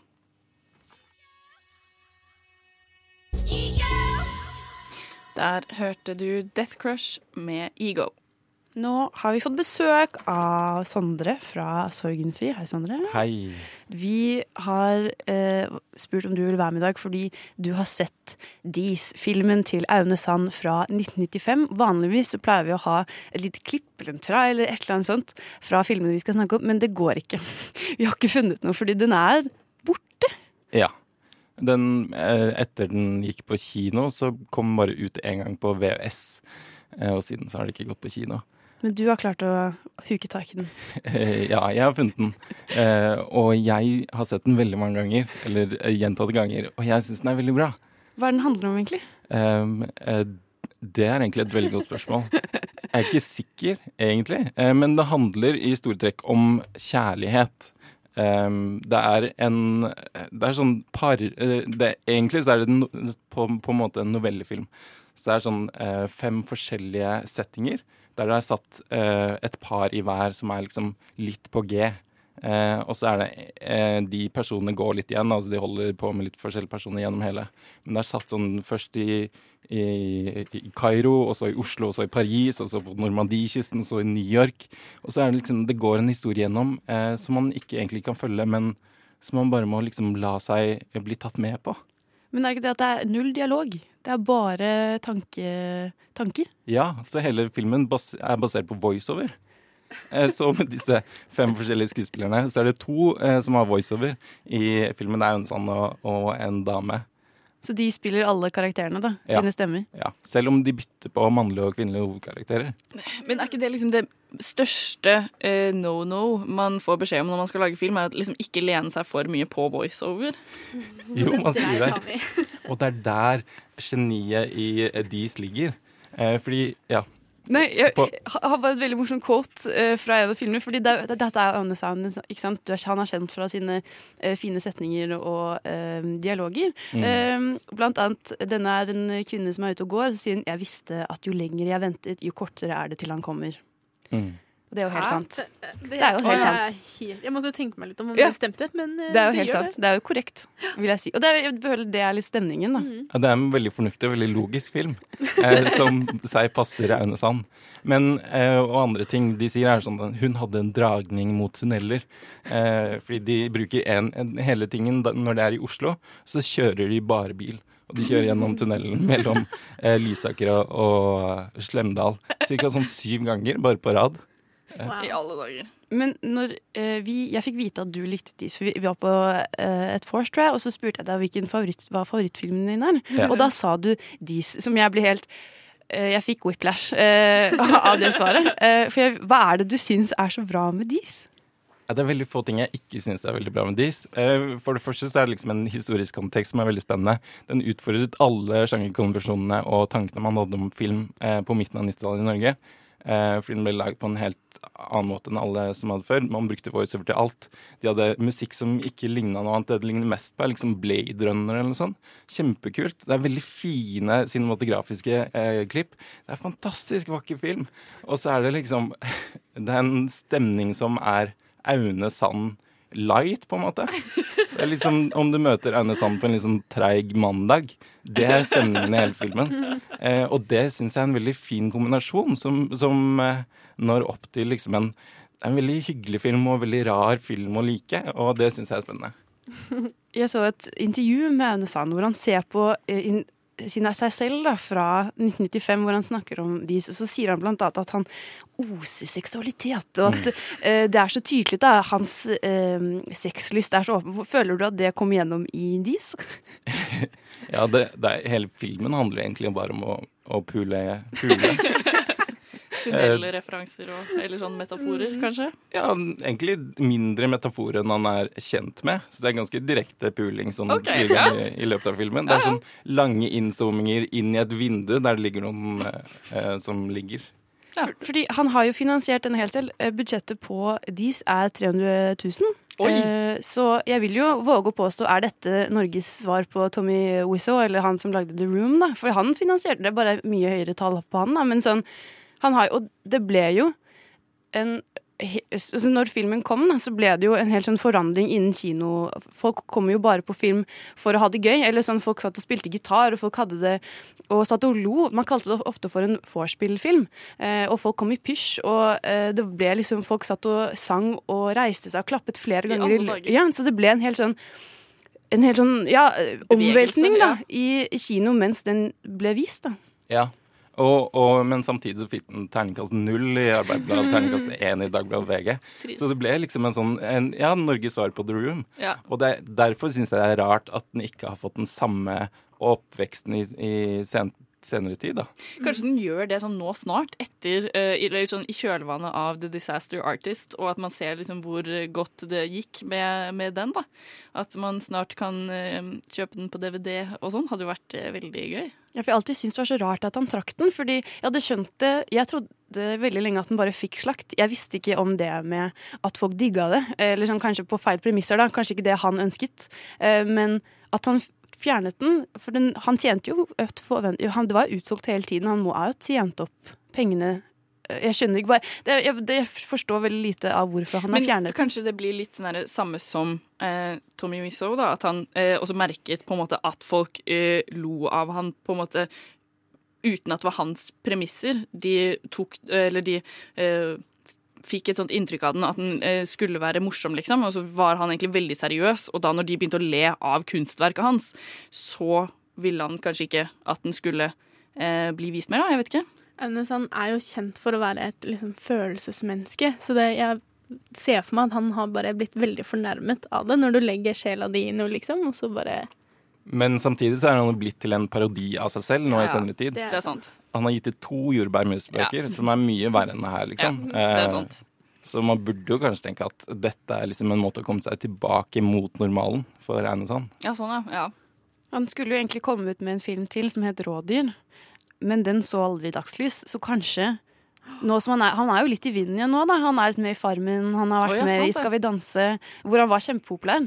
Så han har jo fått på en måte den gunsten til Norge igjen, da, at folk liker han igjen. Uh, fordi det ble jo en veldig sånn mobbing av Aune etter dis, og nå har det kanskje folk fått litt mer respekt for ham. Kanskje han har gått i trening hos hun derre Ja, så Anette Sjursen. Ja. Sjursen, de to har jobbet uh, tett sammen. Men hadde du hatt lyst på en ny film av Aune Sand, Sander? Jeg vet ikke helt. Uh, Jeg er ikke helt fan av liksom Jeg syns det er veldig fint med en sånn moderert Aune Sand, og det gir en veldig god filmopplevelse. Men jeg har ikke lyst til å sitte og se på eh, 70 minutter med jordbærmustre. Jordbærmus 3. Filmatisering av jordbærmus hadde jo kanskje vært noe. Men er du, det er det jeg også lurte på. Var du fa grunnen til at du så filmen, var du fan av Aune Sand? Er du fan av Aune Sand generelt? Nei, altså det var jo egentlig på tross av Aunesand. Jeg så den første gang som en sånn derre lol, vi ser på uh, Dis, det er tidenes dårligste norske film. Men så syns jeg den var veldig bra. Eh, Så koselig, egentlig. Det er veldig så fin, uh, den. resultat. Men, Ja. eh, Men nå, den fram nå fra forventer du at den skal være bedre enn du tror. Ja, det er sant. Eh, det er kanskje litt dumt. Eller vet ikke. Vet ikke. I hvert fall Dis er en eh, interessant film som jeg syns det er dumt at vi Det er kulturarv. Jeg syns Ja, vi burde veldig. opprettholde den. Ja. Cinemateket, kontakt Ja. Ja. og spill den et eller annet sted. Det hadde, vært helt fantastisk. Jeg tror man skal spare ordet kulturarv til Hva prøver du å si? Jeg føler Aune Sand står for veldig mye av vår kultur og vår, hva vi er stolte av i dette landet. Jordbærmus. Altså sånn, har dere sett den videoen når han kommer tilbake på farmen og begynner å fingre det treet? Nei. Og så sier han sånn mamma, mormor, og så driver han og slikker og Ja, det er kjempegøy. Men det, han kan jo ikke være seriøs. Jo. Tror du han er sånn på ordentlig? Nei, men det, det, Han tjener også penger han på å være sånn. Aner hvor mye sånn kjendiser får for å være med på Farmen, Ja. liksom? jeg tror han er en parodi av seg Ja, selv. det tror jeg òg. Men da har han i hvert fall kommet til rette med det, da. Ja, det er sant. At han liksom har på en måte akseptert altså, Det er litt trist, da, men sånn at Ja. han har skjønt at Dette er sånn jeg er nå. Dette er sånn jeg skal tjene penger Ja. på mitt liv. Ja, men han er sikkert superfornøyd, han. Men jeg tror eh, vi eh, må rett og slett avslutte den diskusjonen der. Tusen takk for at du kom, eh, Sondre. Eh, nå får du høre eh, The Good, The Bad and The Sugly med Hate Will Get Us Everywhere. Der fikk vi The Good, The Bad and The Sugly med The Hate Will Get Us Everywhere. Um, nå, etter en liten sånn eh, recap av Dis, som jeg syns var veldig hyggelig, så skal vi bevege oss over eh, til argument fire. Det siste argumentet i eh, denne diskusjonen om norsk film. Og det argumentet handler jo rett og slett om at vi kanskje blir litt sånn blenda av det norske. At vi eh, får det er jo ikke kanskje en hemmelighet at Norge er litt sånn eh, digger å se seg selv i navlen, eller hva man sier. Det er sikkert ikke det man sier, men eh, det gøy hvis man sa det. at man eh, er litt sånn gira på å se Norge på film, og det er veldig sånn stas eh, at eh, vi kan se norsk film. Da, bli veldig glad av å se oss selv og bare åh, det der er så sykt norskt. Eh, Mhm. Og at man kanskje ser Jeg vet ikke at det er noe der, da. Men jeg tror også det er veldig tydelig på anmelderen nå at ja. det er kjempegøy med norsk film, Ja. fordi vi gir så eh, Utenom Dis og um, Pax, eh, så får filmer helt eh, sjuke uh, terningkast. Altså, greit nok Uno, men sånn lunsj som vi skal snakke på etterpå, har fått sånn femmere og seksere, og det er åpenbart ikke det. Mm, og det føler jeg at sånn Det ødelegger jo kanskje litt, da, hvis man tror at en film er en sekser, og så går man og ser og forventer liksom en Man går inn som en vanlig filmtitter, da, ikke nødvendigvis som en som elsker norsk på TV, som går inn. At man da får et mye dårligere inntrykk, for hvis du forventer en femmer av en treerfilm, så blir det en toer. Jeg Hvis tror det ga mening. Fordi jeg, jeg skjønner veldig godt hva du mener. Fordi La oss si uh, Vice, da, som har fått uh, uh, Bare et veldig eksempel fem av Filmpolitiet. da. Hvis den hadde vært om Trond Giske og eh, Aksel Hennie spilte han, så hadde den sikkert fått sekser. Om du skjønner hva jeg mener? Det hadde, liksom, det hadde ikke vært noe sånn spørsmål engang. Men så hadde det bare vært en treer. ja, det er det! Jeg syns det blir litt for dumt, da. Uh, og det, Den filmen har jeg lyst til å se, Ina. Jeg tar patent på det nå. Ja. Du hørte det først her. Nei, men uh, jo, også at det blir litt sånn herre at uh, man det blir liksom på tross av at den er norsk, så er Mm. den god, kanskje. Eller sånn at når man liksom anmelder norsk film, så blir det sånn herre jo, jo, men den er jo norsk. Eh, den er veldig god til å være en norsk film, og derfor at man sånn hopper litt eh, høyere opp på, den, eh, på terningkastet, da. Eh, fordi det er så mye eh, norsk film som er så dårlig, og det er så mye Mm. liksom Ja. Eh, fordi at det er også sånn at vi ser jo ekstremt mye mer norsk film.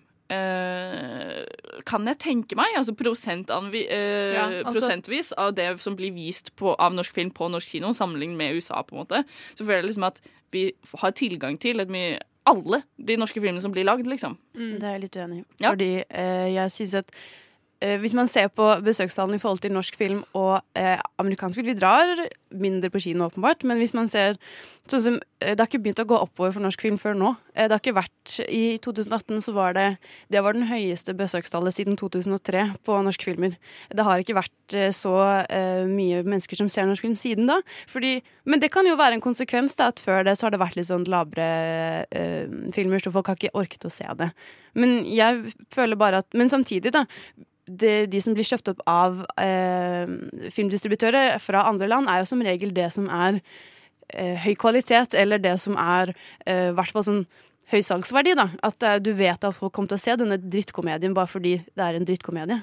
Ja, men så er det sånn her, ja, fordi at vi får, blir jo bare mata med de eh, filmene som har eh, gått gjennom masse prosesser og blitt liksom luket ut fra et hav av på en måte eh, sikkert veldig mye dårlig film fra et, ja, Italia og Tyskland eh, og sånne ting, så får vi, blir jo vi bare servert med det beste av det beste, på en måte.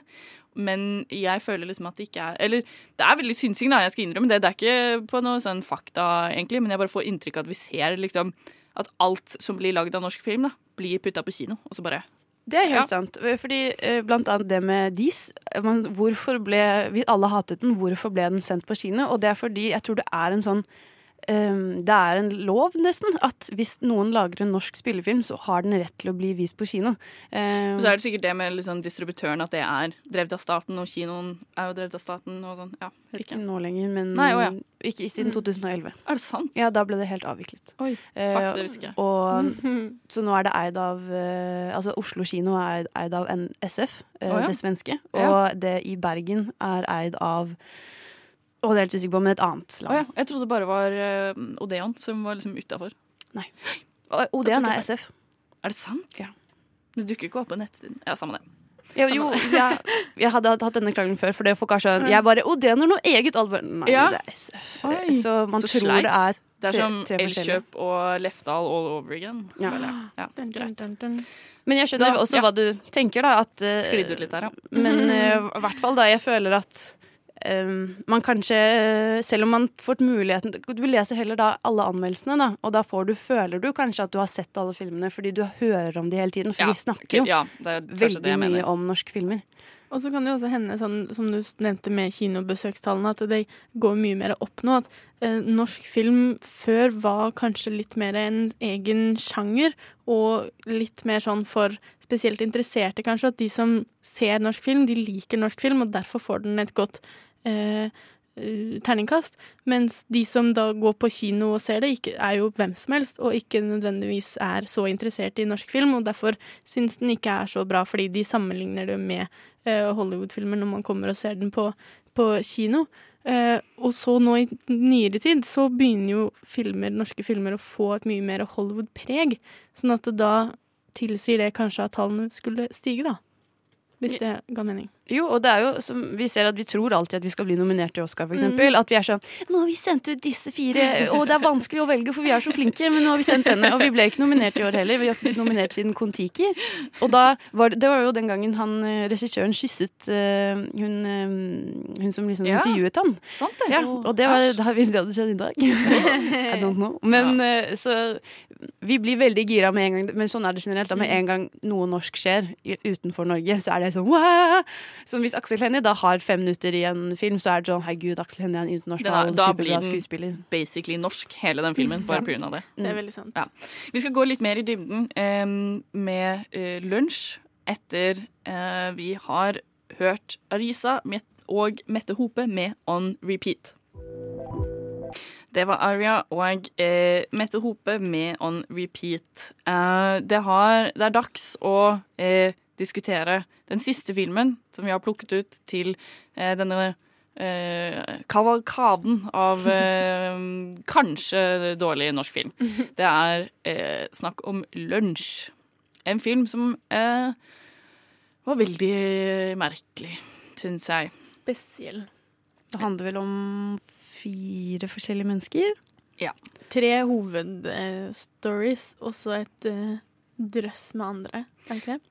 Eh, Litt sånn her, eh, novellefilm, da, sånn som Sondre sa det så fint i stad. Men ja, eh, i hovedsak så er det jo eh, snakk om Pia Tjelta, som eh, spiller en kvinne i et veldig dårlig forhold. Eh, Andal Torp spiller en veldig rar eh, karakter hvor hun er en voksen dame som ikke har eh, vært ute av leiligheten sin eh, hele sitt liv. Så da når faren dør og hun blir kastet ut eh, av eh, megleren, så vet hun ikke helt hva hun skal finne på. Og Aksel Hennie sin karakter har pengeproblemer og blir kastet ut av sin leilighet og prøver å liksom få endene til å møtes litt, da. Mm.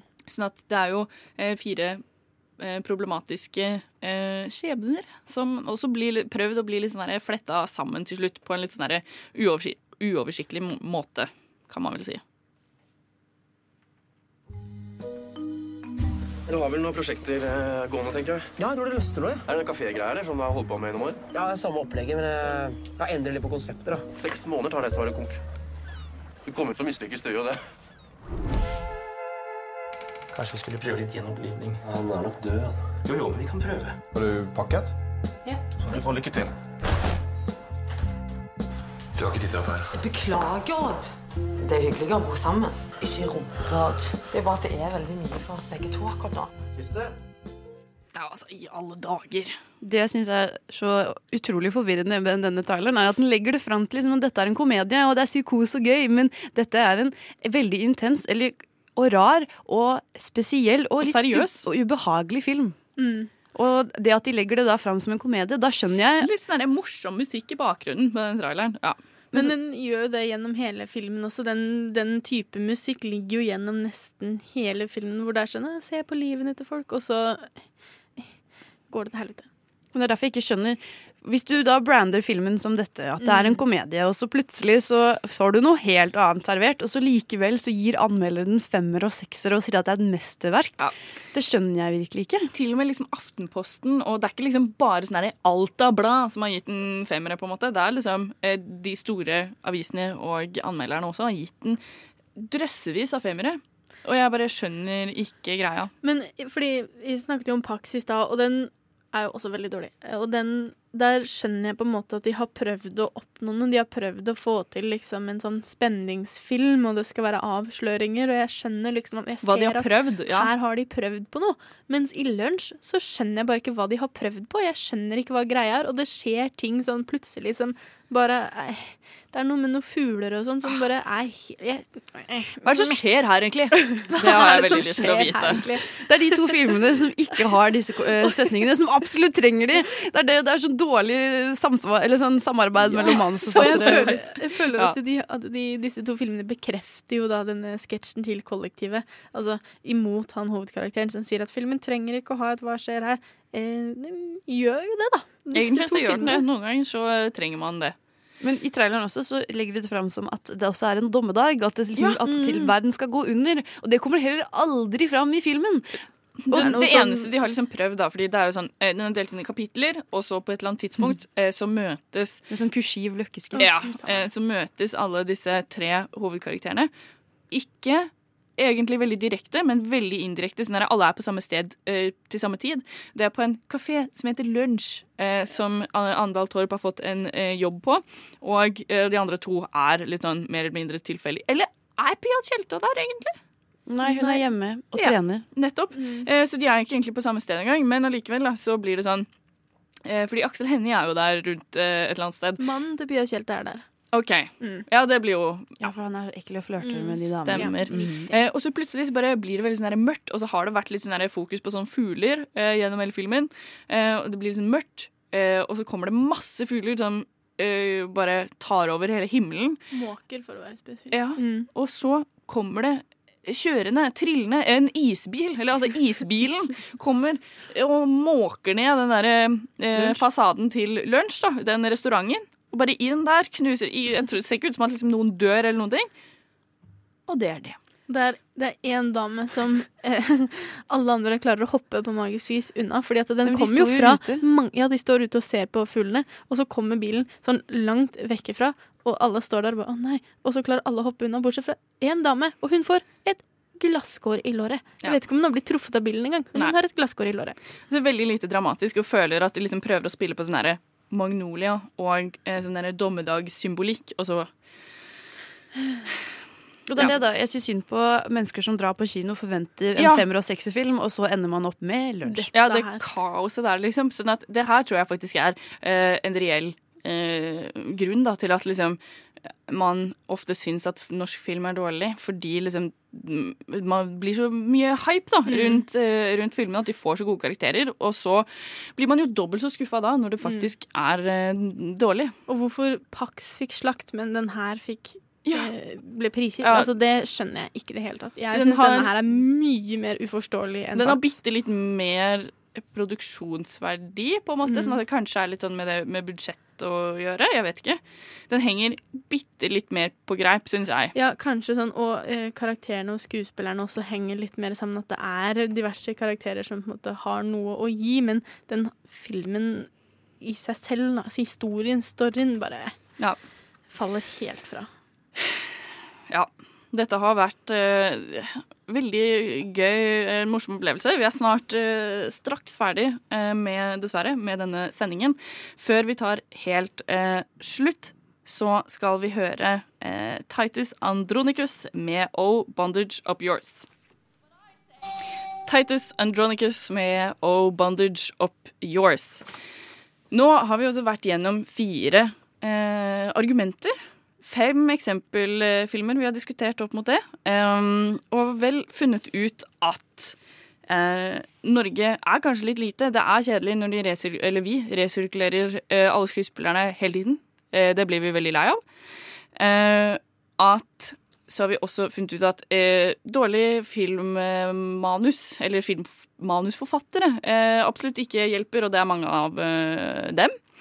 Og de ikke, spiller kanskje ikke nødvendigvis så stor rolle hvilket eh, budsjett filmen har. Eh, egentlig at det kan gå liksom begge veier. Det er ikke nødvendig å ha godt budsjett. Kanskje det hjelper, kanskje det ikke hjelper, egentlig.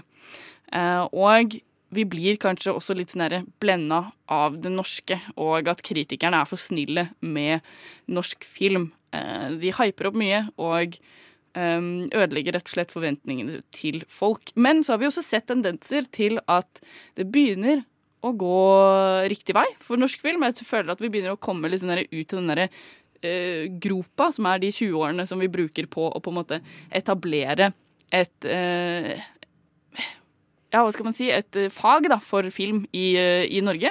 Eh, er det godt oppsummert, tenker dere?